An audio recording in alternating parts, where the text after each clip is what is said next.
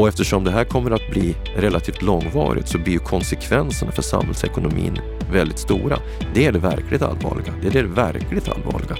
Och jag är, jag är närmast chockad över att hur, hur lättsinnigt politiken förhåller sig till de problemen.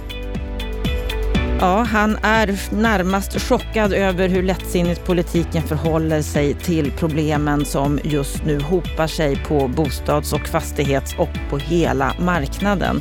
Lennart Weiss, ansvarig för rapporten Sju svåra år som Veidekke har tagit fram tillsammans med analysföretaget Evidens. Sju svåra år minst har vi framför oss, visar den här rapporten. Och den visar också att regeringen saknar ekonomiskt program för att lösa bostadskrisen. I Bopolpodden idag så går vi igenom den här rapporten, vad som ligger till grund för den kollaps som vi just nu ser på bostadsmarknaden, som alltså får effekter för hela samhällsekonomin. Varmt välkommen till Bopolpodden. Jag heter Anna Bellman.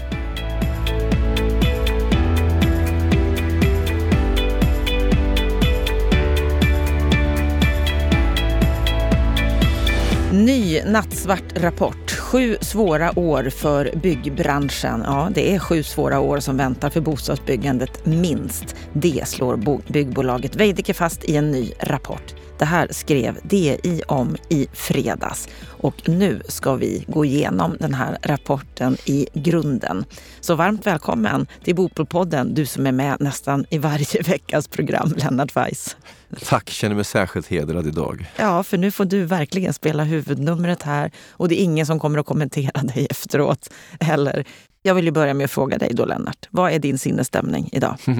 Givet att jag är väldigt förkyld så är det ändå eh, ganska bra. Jag är naturligtvis eh, en smula beklämd och eh, är bekymrad över läget i bostadsbranschen men laddad att vi ska ta debatten om hur utvecklingen ska kunna vändas. Och ni gör ju rapporter regelbundet på Veidekke tillsammans med analysföretaget Evidens två gånger per år. Och när vi tittar bakåt, innan vi går in på den här senaste rapporten som just heter Sju svåra år, så är det en väldigt tydlig bild som vi kan se av de senaste fyra rapporterna. Rapporten som kom hösten 2021 hade titeln Happy Days are here again och sen våren 2022, då var stämningsläget ett annat, festen som kom av sig. Men sen rapporten hösten 2022 fick namnet Perfekt storm och den senaste här då våren 2023, då hette rapporten Kollaps för bostadsbyggandet. Det är en speciell tid vi har haft bakom oss nu. Det är ett väldigt dramatiskt väderomslag från hösten 2021 när förhoppningarna var stora om att vi skulle få en snabb ekonomisk utveckling efter att pandemin hade lagt sig. Det hade i så fall följt ett, ett historiskt mönster efter stora krig och pandemier och så. Och det var ju också så att kvartal fyra så var ju BNP-tillväxten i Sverige fantastiska 6,7 procent. Så att allting tydde på att det var happy days. Men redan då så fanns det alltså tendenser på att det fanns inflation i USAs ekonomi, sannolikt ett utslag av Bidens väl kraftiga stimulanspaket. Eh, kvardröjande effekter av pandemin, men så hade ju också vapenskramlet börjat i öst som sen ledde till kriget. Och med kriget så förändrades ju hela bilden och vi fick ett massivt bakslag. Och eh, nu då när ni ger ut den här senaste rapporten som kom häromdagen, Sju svåra år. Är läget så allvarligt? Ja, tyvärr är det så. Eh, det är inte så att vi bara tycker eller uttrycker sig så, eh, oss så um, bara för att det låter lite snärtigt utan det är väl faktaunderbyggt. Drar man alltså, om man analyserar de grundläggande parametrarna som bygger upp den samlade bilden av förutsättningarna för den här branschen. Och då baserar det sig på vad man kan förvänta sig av prisernas utveckling, löneutvecklingen, byggkostnadsprisernas utveckling men även räntans utveckling. Så finns det ingenting som tyder på att det kan bli en snabb vändning. Alltså jag kan direkt säga att de som tror eller hoppas att utvecklingen kommer att vända per automatik för att räntorna kanske nu stabiliseras eller börjar gå ner nästa år. De kan sluta drömma därför att i de prognoser som vi gör i den här rapporten så har vi ju räknat in bankernas konsensus av bankernas prognos för styrräntan och då, då, då säger ju bankerna 1-1,5 procent ska ner. Och så lägger vi på det olika beräkningar för hur mycket byggpriserna skulle behöva minska hur mycket lönerna realt sett skulle behöva öka, hur mycket priserna på andrahandsmarknaden skulle behöva öka för att du återigen ska få en lönsam produktion. Och hur vi än vänder och vrider på de här parametrarna så går det inte att se att bostadsbyggandet ska öka mer än mycket marginellt. Vi satte en ribba på att vi skulle kunna komma upp till 45 000 bostäder 2045, äh, 20, 20, 2026. Det är helt omöjligt. Utan vi kommer i bästa fall kravla oss upp till knappt 30 och det är ju inte ens hälften av vad Boverket säger att vi behöver fram till 2030. Så säger vi att Um, och då tror jag att det kan bli värre än så. Alltså jag, jag tror inte att vi kommer upp till 30 000 uh, i det tidsperspektivet. Men antar att vi gör det, så är det ju ändå så att bostadsbyggande har en planeringstid, en genomförandetid på två, tre år. Så hur du än vänder och vrider det så är det sju svåra år. Och det här insatt i sitt större samhällsbyggnadssammanhang innebär ju enorma störningar för arbetskraftsförsörjningen, för näringslivets möjligheter att rekrytera personal, i Stockholm och Göteborg, men också i våra industriorter där det nu sjuder av aktivitet för att anlägga nya fabriker av olika slag. Jag är extremt bekymrad över AB Sveriges förutsättningar att ta sig igenom det här decenniet och jag är extremt bekymrad över den närmast eh, ja, alltså den totala politiska handlingsförlamningen som råder.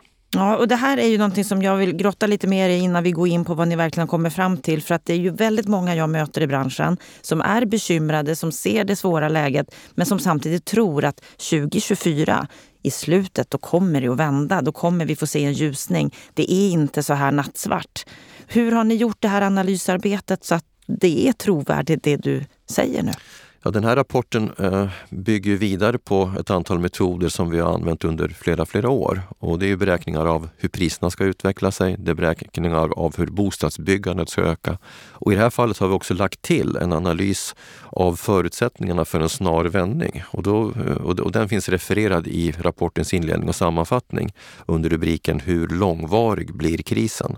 Och då har vi då tittat på Eh, då har vi simulerat. Alltså vi har, I botten har vi lagt en förväntad ränteutveckling, att den ska sjunka med en och en halv procentenhet. Och det är ju eh, i sig ett ganska optimistiskt scenario jämfört med Riksbanken, Riksbankens eh, målbild. De tror ju på en flat eh, utvecklingskurva framåt. Ehm, och sen har vi då simulerat hur mycket skulle då reallönerna behöva öka? Vi får tänka att vi har förlorat en dryg månadslön i real köpkraft, du och jag. Vi är tillbaka på 2015 års nivå. Bostadspriserna har fallit så pass mycket att vi är tillbaka på 2014 års nivå. Och samtidigt så har byggpriserna ökat radikalt från 2015. Det är en pandemieffekt och sen en krigseffekt. Och då måste ju någon av de här parametrarna förändras kraftigt. Då måste ju antingen byggpriserna gå ner och då har vi simulerat det. Vi har simulerat att lönerna, reallönerna ska öka kraftigt. Eller att bostadspriserna ska öka kraftigt. Och hur vi än vänder och vrider på det här så, så, är det omöjligt. Och jag menar givet att det skulle ske, då får det utslag på priser på andrahandsmarknaden respektive bostadsbyggandet. Men hur vi än vänder och vrider på det där så kan du inte se en kombination utav eh, händelser i närtid som kommer att, eh, som, som kommer att ske. Och vilket betyder att det kommer inte att bli någon radikal förändring utav de här villkoren i närtid. Nej, nej, nej. Utan det som möjligen kommer att förändras är att du får en stabilitet. Du kanske får en ökad aktivitet på andrahandsmarknaden så att i den marknaden så börjar hushållen byta bostäder med varandra igen. Men för nyproduktionen så kan du inte skönja någon uppgång i rimlig närtid. Och tillbaka då till den logik som vi har med långa ledtider i den här branschen, inklusive två års byggtid. Så är det så står vi inför sju svåra år. Och då ska du veta att det är många kollegor till mig som säger att jag är för optimistisk. Det kan vara tio svåra år. Så det kan vara en riktigt rejäl nedgång under mycket lång tid. Men det här är, vi måste förstå att det här är, för, för bostadsbyggandet är det här en 1990-talskris. Fallet då var 80 procent från 1991 till 1995. Fallet nu mellan 2021 och Boverkets prognostiserade tal för påbörjade bostäder 2024 är 80 procent. Det är alltså en, en, en, ett ras i samma magnitud. kommer få samma effekter i form av kompetensflykt ifrån branschen. De ungdomarna som vi nu förlorar kommer vi inte att få tillbaka. Det, det, det, det är oerhörda eh, ska vi säga, resurser i form av realkapital, finansiellt kapital som raderas ut. Konkurserna står som spön i backen.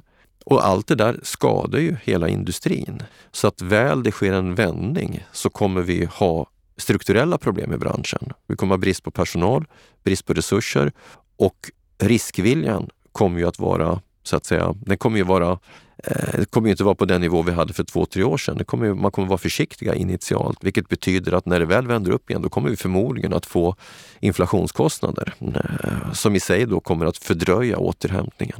Till DI så sa du att den här kollapsen inte bara drabbar branschen utan att den också kan slå hårt mot både BNP och nyindustrialiseringen. Det är det som oroar mig mest. Alltså branschen i någon sorts grundläggande mening, den överlever ju och inte minst de stora entreprenadbolagen. Om jag tar till exempel Veidekke. Vi har ju ingen balansräkning kopplad till projektutvecklingsverksamhet idag. Vi står ju på två ben, hus och infrastruktur. Infrastruktur går som tåget. Hus har utmaningar därför att både kontors och bostadsmarknaden är pressad. Men företaget är välmående och kommer att överleva mer än väl.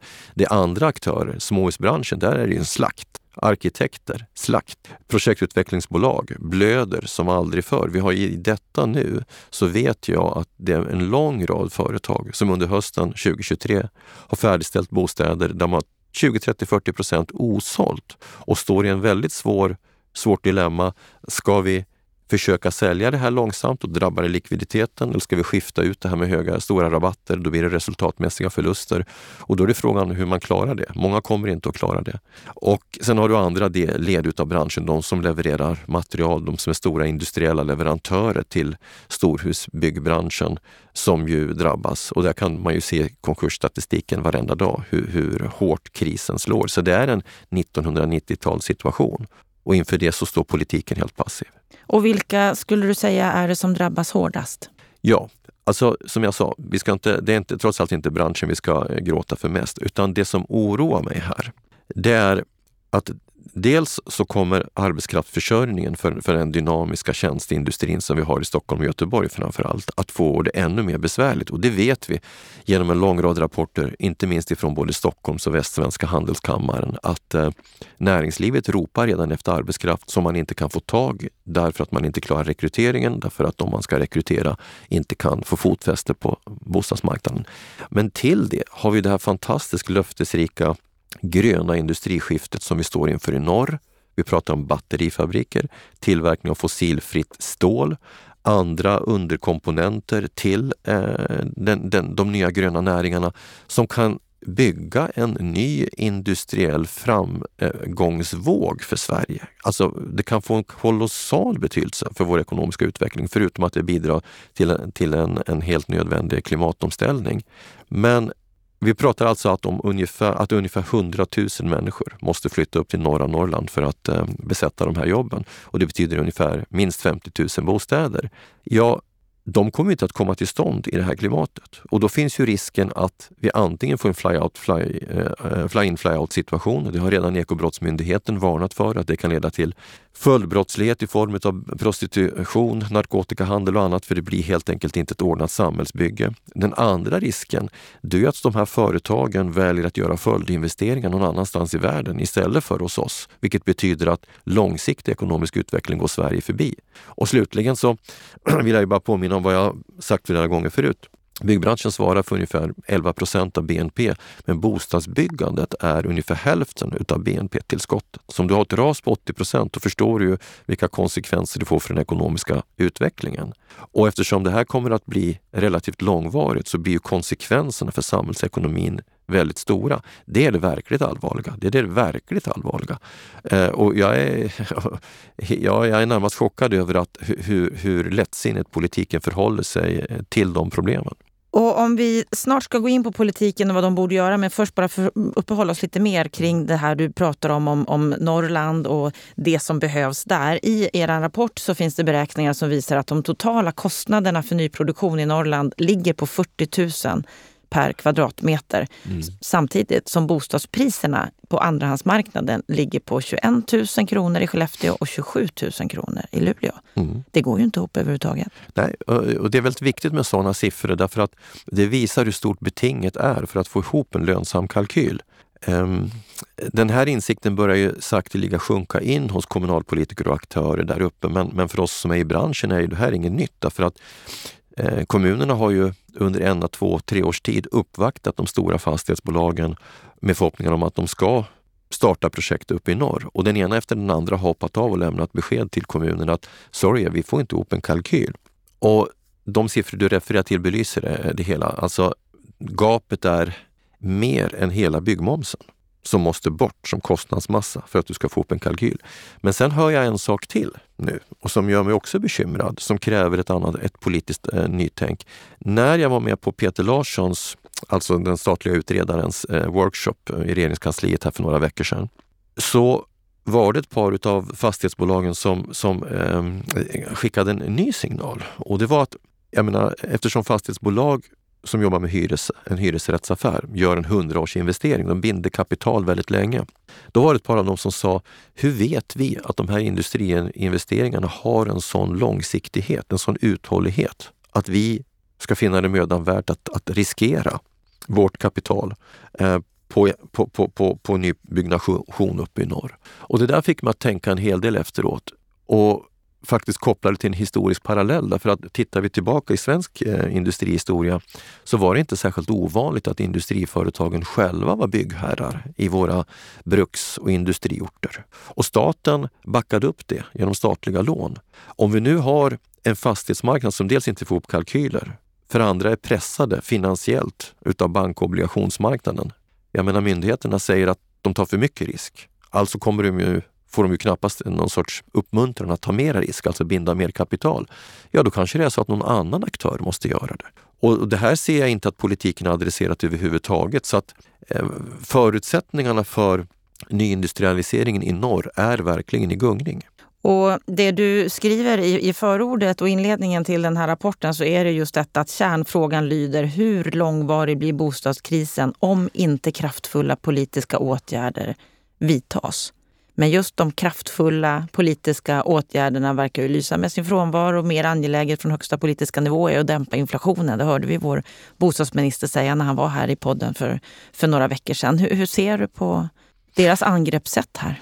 Slump, något slumpmässigt så råkade jag lyssna på den bostadspolitiska debatten som var i riksdagens kammare måndag, eh, förlåt, tisdag den 12 ehm, december. Jag kan säga att det var en rent plågsam upplevelse att lyssna på den debatten. Därför att här har vi alltså Tidöpartiernas bostadspolitiska talespersoner som läser upp föreskrivna talepunkter eh, och repeterar om och om igen oron för inflationen. Ja, det jag tänkte för mig själv, om den där argumentationen är underbyggd, då kommer de åtminstone redovisa några siffror på hur mycket inflationen skulle öka om vi skulle införa ett produktionsstöd för att stimulera utbudet. Eller om man skulle pausa amorteringskraven för att främja efterfrågan. Eller om man skulle införa någon typ av finansiellt stöd, antingen i form av ehm, eh, kreditgarantier eller kanske riktade lån. Inga sådana siffror. Varför? Därför att den analysen är inte gjord. Och det vet jag med säkerhet därför att Robert Boye skrev ju en artikel på DN Debatt här för ett antal månader sedan där han hade räknat på inflationseffekterna utav en paus, av pausade amorteringar och kom fram till att det representerade eh, i högsta fall, i, i värsta fall, en tiondels procentenhet och efterlyste då eh, motsvarande analyser från regeringskansliet. Han fick inget svar. När, den, när, du ställde den frågan till Andreas Karlsson i Bopolpodden så hänvisade han till Finansdepartementet. Jag tror inte att de har gjort några beräkningar. För hade de gjort det och haft argumenten på sin sida, då hade de använt de argumenten. De bostadspolitiska talespersonerna har inte gjort den här analysen. Jag är säker på att de inte har beställt en enda analys ifrån Finansdepartementet om möjliga inflationseffekter. Det är alltså ett fikonlöv som man använder. Så du menar alltså att de använder sig av ett argument som inte håller? Det håller inte. Och skulle det ha hållit så skulle de ha redovisat fakta. Och det här är, tycker jag, faktiskt en smula beklämmande för den politiska debatten. Så här, det här knaprar, och kanske mer än det, på politikens grundläggande förtroende. Och vad skulle då politiken kunna göra mot bakgrund av att de ser på inflationen som de gör, mot bakgrund att vi har den krisen som vi har och de faktiskt säger att de har krisinsikt? De, i, I någon sorts allmän mening så har de naturligtvis krisinsikt. Jag, menar, jag, jag tycker det hedrar Andreas Karlsson att han åker runt till Sveriges småhusfabriker, företag av olika slag och ser med egna ögon hur det ser ut. Jag är helt övertygad om att Andreas Karlsson och hans entourage inser djupet av problemet. Men de sitter i fångna, eh, de är själva fångna i en, en intellektuell bur som har så att säga suttit som en skruvstäd runt den politiska debatten om bostäderna i 30 års tid. Och det är fortfarande arvet efter systemskiftet. Vi genomförde ett systemskifte i det här landet där vi avvecklade de generella statliga subventionerna. Hela lånefinansieringssystemet avvecklades. Men det ersattes inte av någonting nytt och det är också ett tema vi har varit inne på många gånger. Andra länder som aldrig valde den svenska vägen med en statligt driven utbudspolitik, alltså staten ställde stora eh, lån. Först var det alltså equity-kapital och senare eh, räntestöd och så vidare till förfogande till branschen. Eh, de valde att stötta hushållens efterfrågan. Så den politiken har man övat på och är väldigt duktig på i Norge, Kanada, Australien, till del i andra länder. Sen finns det några länder som fortsatte med någon sorts variant av den socialdemokratiska politiken. Österrike, Tyskland, Finland, men då i form av subventionerade sociala bostäder, alltså social housing för mera behövande. Då, bostäder som tilldelas efter behovsanalys och där man inte har bytesrätt. Men i Sverige har man inte valt mellan de alternativen, det vill säga vare sig utbuds eller efterfrågestimulerade åtgärder. Utan man, man pratar då om strukturella åtgärder som ska få effekter på sikt, det vill säga man tror att om man främjar utbudet av mark, eh, planeringsbar mark och, och, och, och tillsätter fler tjänstemän på kommunernas eh, stadsbyggnadskontor så kommer det här ge sig. Nej, det gör det inte.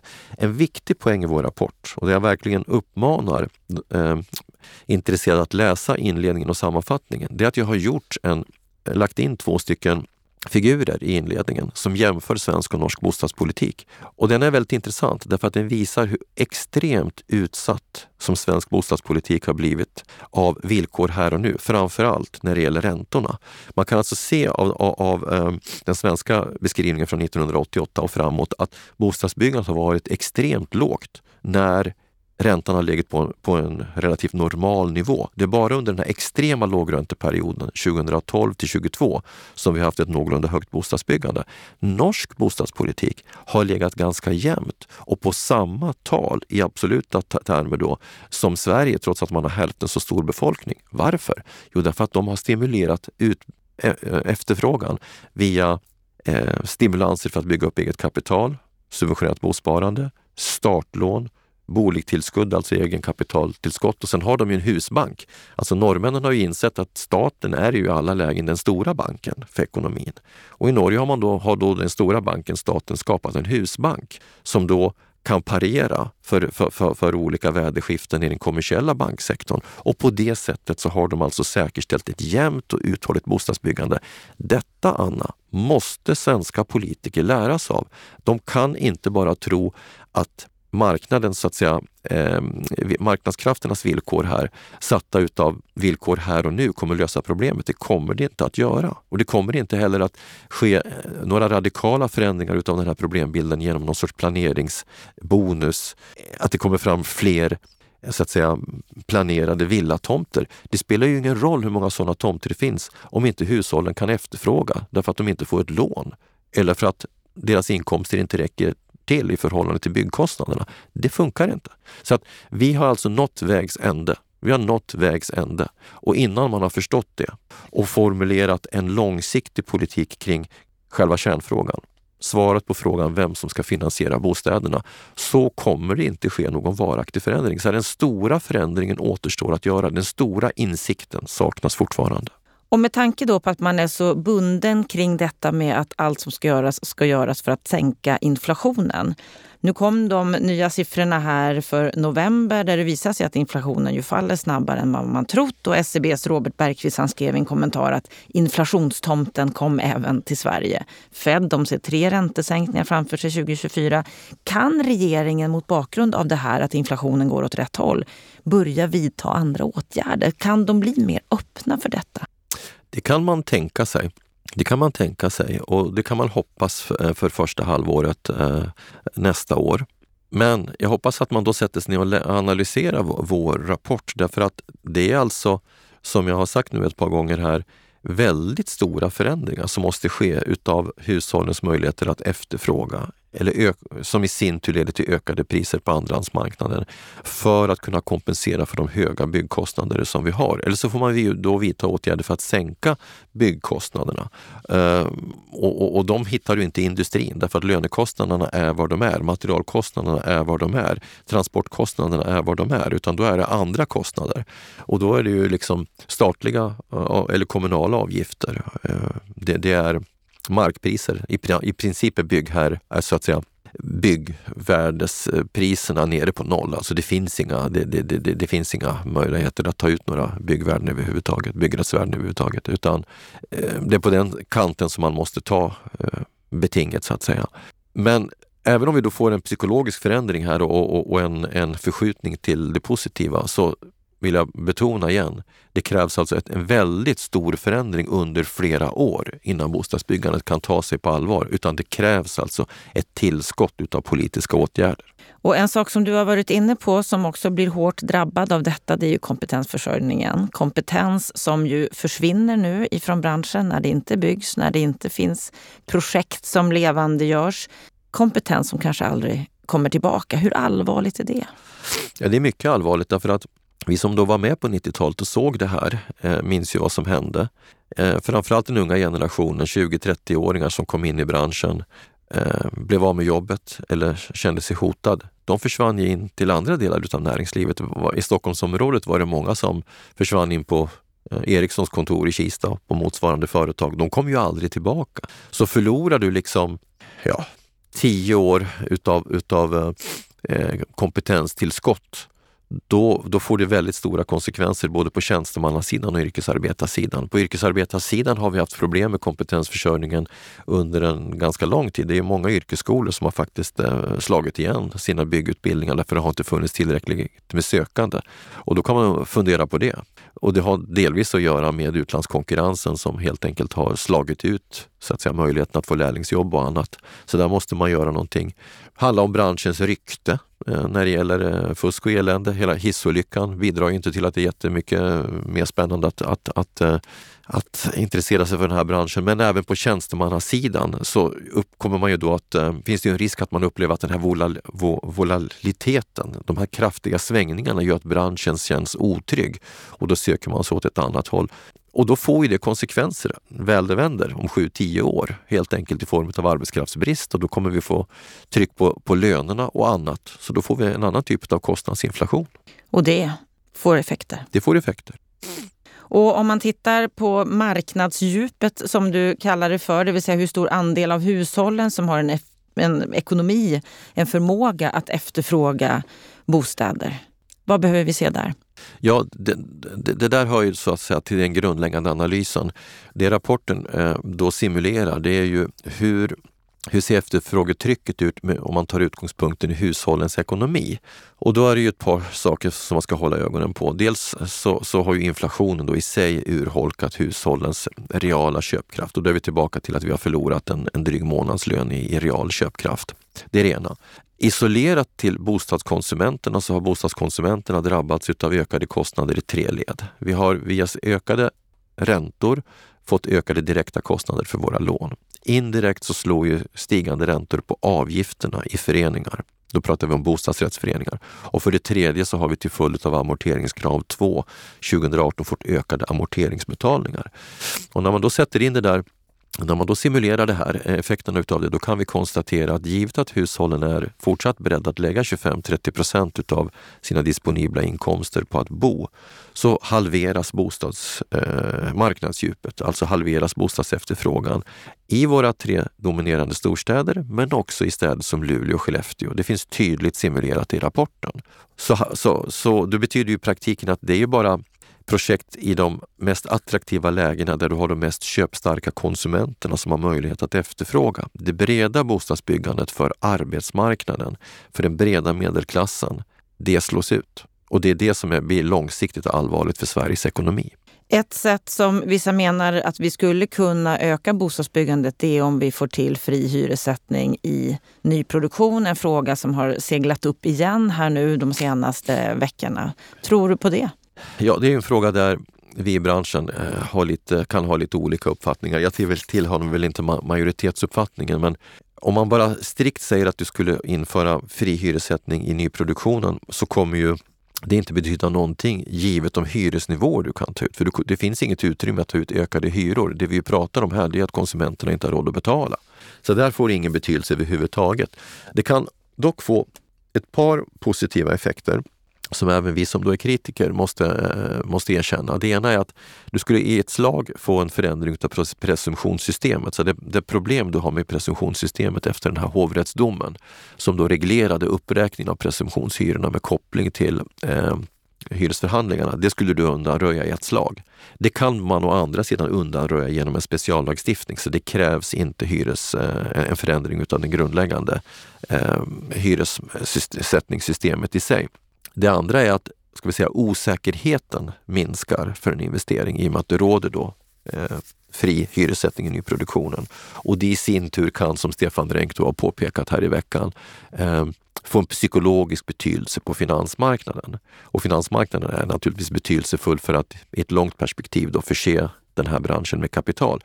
Så det ligger ju mera på Eh, det handlar mer om det, ska säga, de inre sambanden eh, inom fastighetsbolagen, alltså samspelet mellan fastighetsbolag och finansmarknad.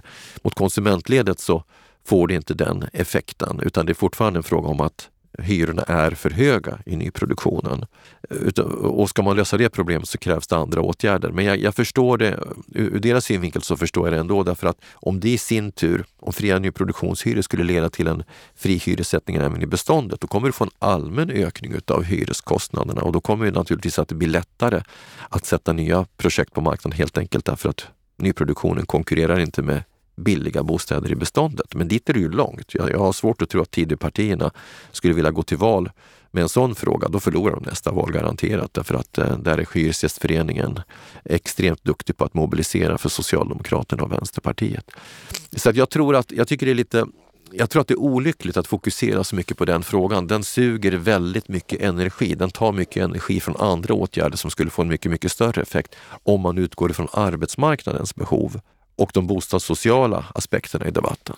Så om vi ska försöka sammanfatta vilka viktigaste politiska åtgärder som ni vill se mot bakgrund av att vi har sju minst svåra år framför oss. Vilka är de viktigaste åtgärderna? Då kan vi dela in det här i ett par dimensioner. Den ena dimensionen handlar om kort och lång sikt. Den andra dimensionen handlar om utbud och efterfrågan. På kort sikt så måste det till krisåtgärder. Det enda som kan få en radikal effekt på kort sikt är någon typ av produktionsstöd. Du måste alltså hyvla bort ett stort lager utav byggkostnaderna. Det, det finns inget annat sätt. I ett lite mer långsiktigt perspektiv så kan du också tänka dig att om du kan eh, eh, få till stånd bättre villkor för finansieringen. Därför att idag är ju finansieringen pressad av att både byggkreditivkostnaderna har blivit högre, villkor för att få byggkreditiv har blivit tuffare, framförallt för något svagare aktörer. Den långa finansieringen är mycket, mycket dyrare. Då skulle man mycket väl kunna tänka sig att man gräver i den gamla verktygslådan. Före kriget så hade vi tertiärlån. Efter kriget så hade vi 85-procentiga statliga lån till förmånliga villkor för eh, bostadsbyggandet som Framför, alltså, och det skapades ju för att vi skulle få till stånd de bostäder som, som eh, omvandlingen av Sverige krävde. Det är, en, det är en linje man kan slå in på, antingen direkt via staten som ställer ut lån. Det skulle vara en affär för staten. Eller så skulle man kunna göra det i form av väldigt eh, generösa lånegarantier så att bankerna känner att risken minskar och med, med minskad risk så, så kan man ställa lån till attraktiva villkor till förfogande. Så att vi måste ha ett kortsiktigt krisperspektiv jag tror att utbudsstimulerande åtgärder, typ produktionsstöd, tillhör den viktigare kategorin i det här fallet. Men man kan också prata om eh, finansiella eh, åtgärder. I det längre tidsperspektivet, då kan vi mer titta på efterfrågestimulerande åtgärder. Och den längre analysen, den, den kräver faktiskt ett nytt intellektuellt arbete, ett nytt programarbete. Därför att, som jag sa här, alltså svensk bostadspolitik har varit förlamad av eh, den kod som man liksom eh, av det grundmönster som man etablerade efter avvecklingen utav det gamla bostadsfinansieringssystemet. Och det har nått vägs ände. Där måste man tänka en ny tanke. Och, och, grundfrågan är som sagt, vem ska finansiera bostäderna? För hela debatten om hushållens skuldsättning visar ju också att debatten har liksom kört in i en återvändsgränd. Innebörden av systemskiftet var att man överlät bostadsfinansieringen till hushåll, fastighetsbolag och banker. Och lyssnar du på debatten så säger myndigheten att det är ett problem med skuldsättningen hos hushåll, fastighetsbolag och banker. Och menar man det på allvar, om man menar det även efter John Hasslers eh, utredning som presenteras nästa höst, då finns det ingen annan aktör som kan kliva in än den stora statliga banken igen. Då måste den kliva in på banan. Men om man menar att bostadsfinansieringen fortfarande i grundläggande mening kan, kan, kan, kan göras kan klaras av utav av, av marknaden, hushåll, fastighetsbolag och banker, ja då måste man skapa ramvillkor för det och då måste man hjälpa hushållen att bygga upp eget kapital. Då måste man eh, in med startlån till svagare grupper. Då kanske man måste också se till att få en husbank för att eh, administrera det här på ett bättre sätt. Så att det måste helt enkelt till en ny tanke och, och frågan är hur man ska få till den här, det här nytänket eh, tillräckligt snabbt. I utredningen så lanserade jag tanken om en parlamentarisk utredning. Ah, jag får nog erkänna att det var lite väl snabbt skrivet. Det kanske behövs en ny Lindbäck-kommission. En stark enmansutredare som får ett starkt mandat att titta på vad som behöver göras både på kort sikt och på lång sikt. Och här finns ju några superutredare, sådana här som Claes Eklund och John Hassler och andra. Vi, politiken behöver uppenbarligen hjälp, för här och nu är de intellektuellt handlingsförlamade. När vi spelar in det här då är det fredag 15 december. Det har kommit ut en stor artikel i DI och ni har precis släppt rapporten idag. Hur tror du att den kommer att tas emot? Jag tror att Tidöpartiernas företrädare inledningsvis blir lite irriterade. Ehm, det här var inte välkomna nyheter före jul. Framförallt inte budskapet om att krisen blir långvarig. Man kan ju säga att vi rycker undan skynket eh, för, för, för liksom resonemanget om att Eh, de, de, strukturella reformer som regeringen talar för skulle kunna få någon effekt. Strandskyddet och sånt som man nu lägger till som ytterligare åtgärder har ju heller ingen effekt på, på volymerna. Det är liksom marginalåtgärder. Så att på det sättet så kan man ju säga att eh, vi, vi är ju argument för oppositionen som är starkt kritiska. Men jag skulle nog säga att vi också kastar in ett vedträd i debatten på oppositionssidan, för inte heller oppositionen levererar de svar som, som krävs. Jag tycker Socialdemokraterna tog viktiga steg i rätt riktning som pekade nu i sin oppositionsbudget, både på en, på en kombination av produktionsstöd och räntegarantier. Det är bara det att, att summorna var ju alldeles för låga. Men det är faktiskt första gången på 30 år som Socialdemokraterna kliver in i den finansiella delen utav den här debatten. Så det var ändå ett positivt steg. Och man fortsätter på den kanten, gör fördjupade analyser och verkligen tar sig an bostadsfrågan på, på det sätt som man gjorde historiskt, det vill säga man ser samhälls man ser bostadsbyggandet som en del utav samhällsbyggandet. Alltså historiskt var ju bostadspolitiken välfärdspolitikens fjärde ben. Då kan vi få till stånd en förändring. Så att jag, jag tror att den här rapporten, när den väl sjunker in, gör det tydligt för alla att det duger inte att hålla på med, med, med åtgärder i marginalen. Det behövs ett stort grepp här, både för det kortsiktiga krisperspektivet och det långsiktiga perspektivet som rör den, de grundläggande villkoren för bostadsfinansieringen. Så att jag tror att rapporten bidrar ytterligare till att föra in politiken och debattörerna i kaosfasen. Och det är bra att vara i kaosfasen ett tag därför att då tvingas man ompröva gamla ståndpunkter och det är det som måste ske. Det är det som måste ske. Faktum är att Stefan Attefall insåg att, att det här behövde göras. För när, i slutet av hans period, de hade ju jobbat med egentligen samma agenda som Karlsson eh, gör just nu. Men mot slutet så insåg han att bostadspolitiken måste utvecklas och också ha en finansiell dimension. Då försvann sen hela den ansatsen under de socialdemokratiska, eller snarare de miljöpartistiska åren. Nu när det kommer tillbaka en, en, en, en borgerlig regering då med eh, en kristdemokrat som bostadsminister så, så är man tillbaka till den begränsade agendan som Attefall hade inledningsvis. Då var den radikal, det är den inte nu. Nu behövs större då, då var den alltså betydelsefull därför att vi hade liksom stora problem eh, med, med ledtider och annat. Va? Men mycket av det där har ju liksom Attefall tagit fram utredningar på som bara behöver genomföras. Nu behövs det an, en annan agenda så att jag hoppas att det här bidrar till en ny dagordning, en ny agenda för de verkliga problemen. För den här rapporten visar att problemen är på en helt annan nivå och av en helt annan karaktär än den problembeskrivning som regeringen gör. Så regeringen saknar i nuläget rätt analys. Den saknar också ett ekonomiskt program för bostadskrisen. Jag hoppas att den här rapporten bidrar till att både ge oss en bättre analys och en helt ny debatt om vad som måste göras. Då får vi hoppas att de tar till sig rapporten, tar fram den under granen och se till att läsa den under julledigheterna här nu så att det händer något i början på nästa år. Tack Lennart för att du berättade om rapporten Sju svåra år. Det är så att vi närmar oss slutet på det här året men vi är inte klara riktigt än. På fredag då är vi tillbaka igen med veckans Aktuellt. Det som har hänt under den här veckan. Så jag hoppas att vi hörs då och jag hoppas att du får en fin vecka.